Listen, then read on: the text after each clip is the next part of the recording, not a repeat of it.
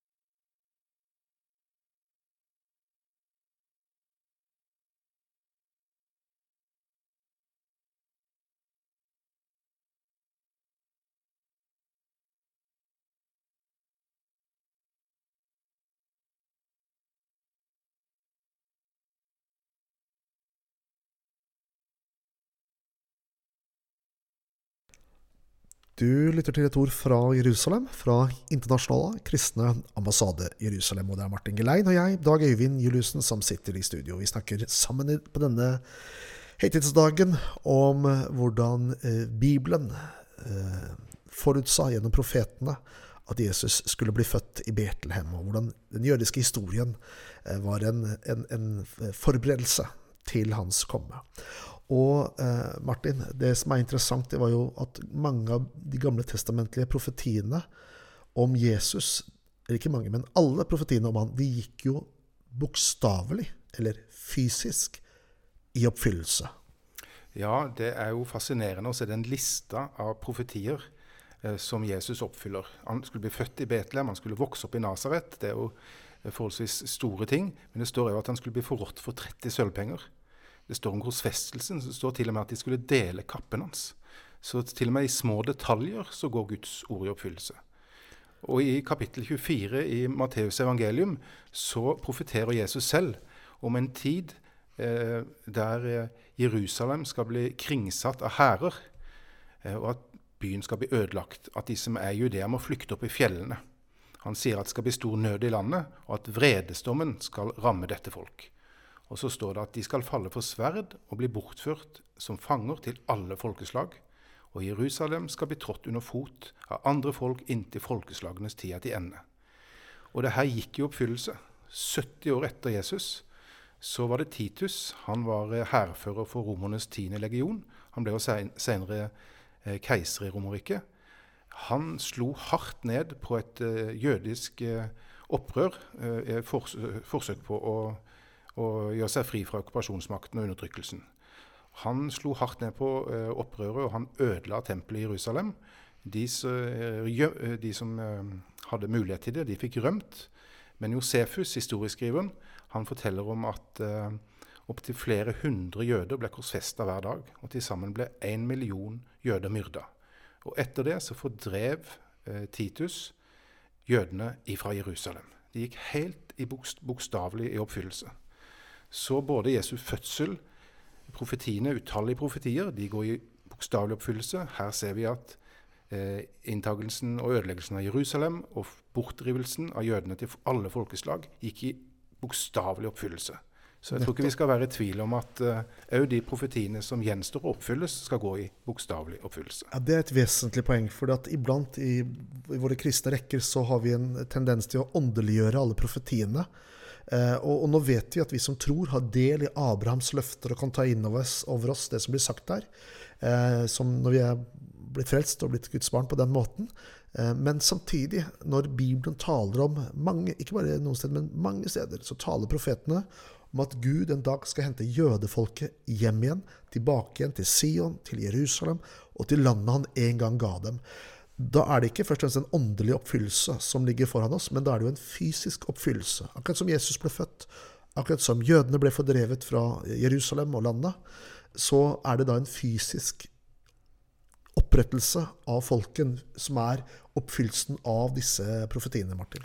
Det fins ingenting i Bibelen som gir oss grunn til å tro noe annet. Så en sånn antakelse det er opplagt utenom bibelsk, kommer fra en opplagt utenombibelsk kilde. Mm. Tvert imot så er det sånn at Gud oppfyller til og med detaljer i profetiene. Det står skrevet at han har telt alle hodehåra våre.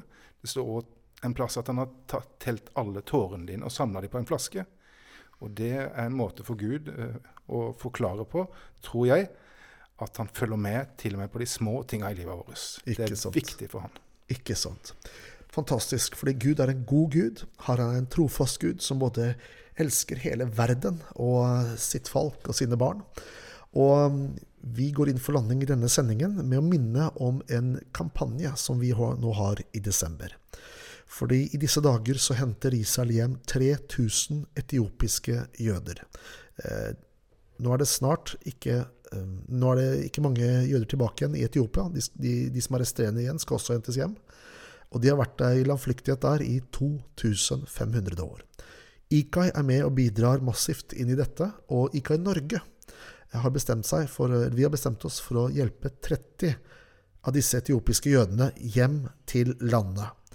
Og hvis du vil være med på det, så kan du sende en VIPS gave til 88 186.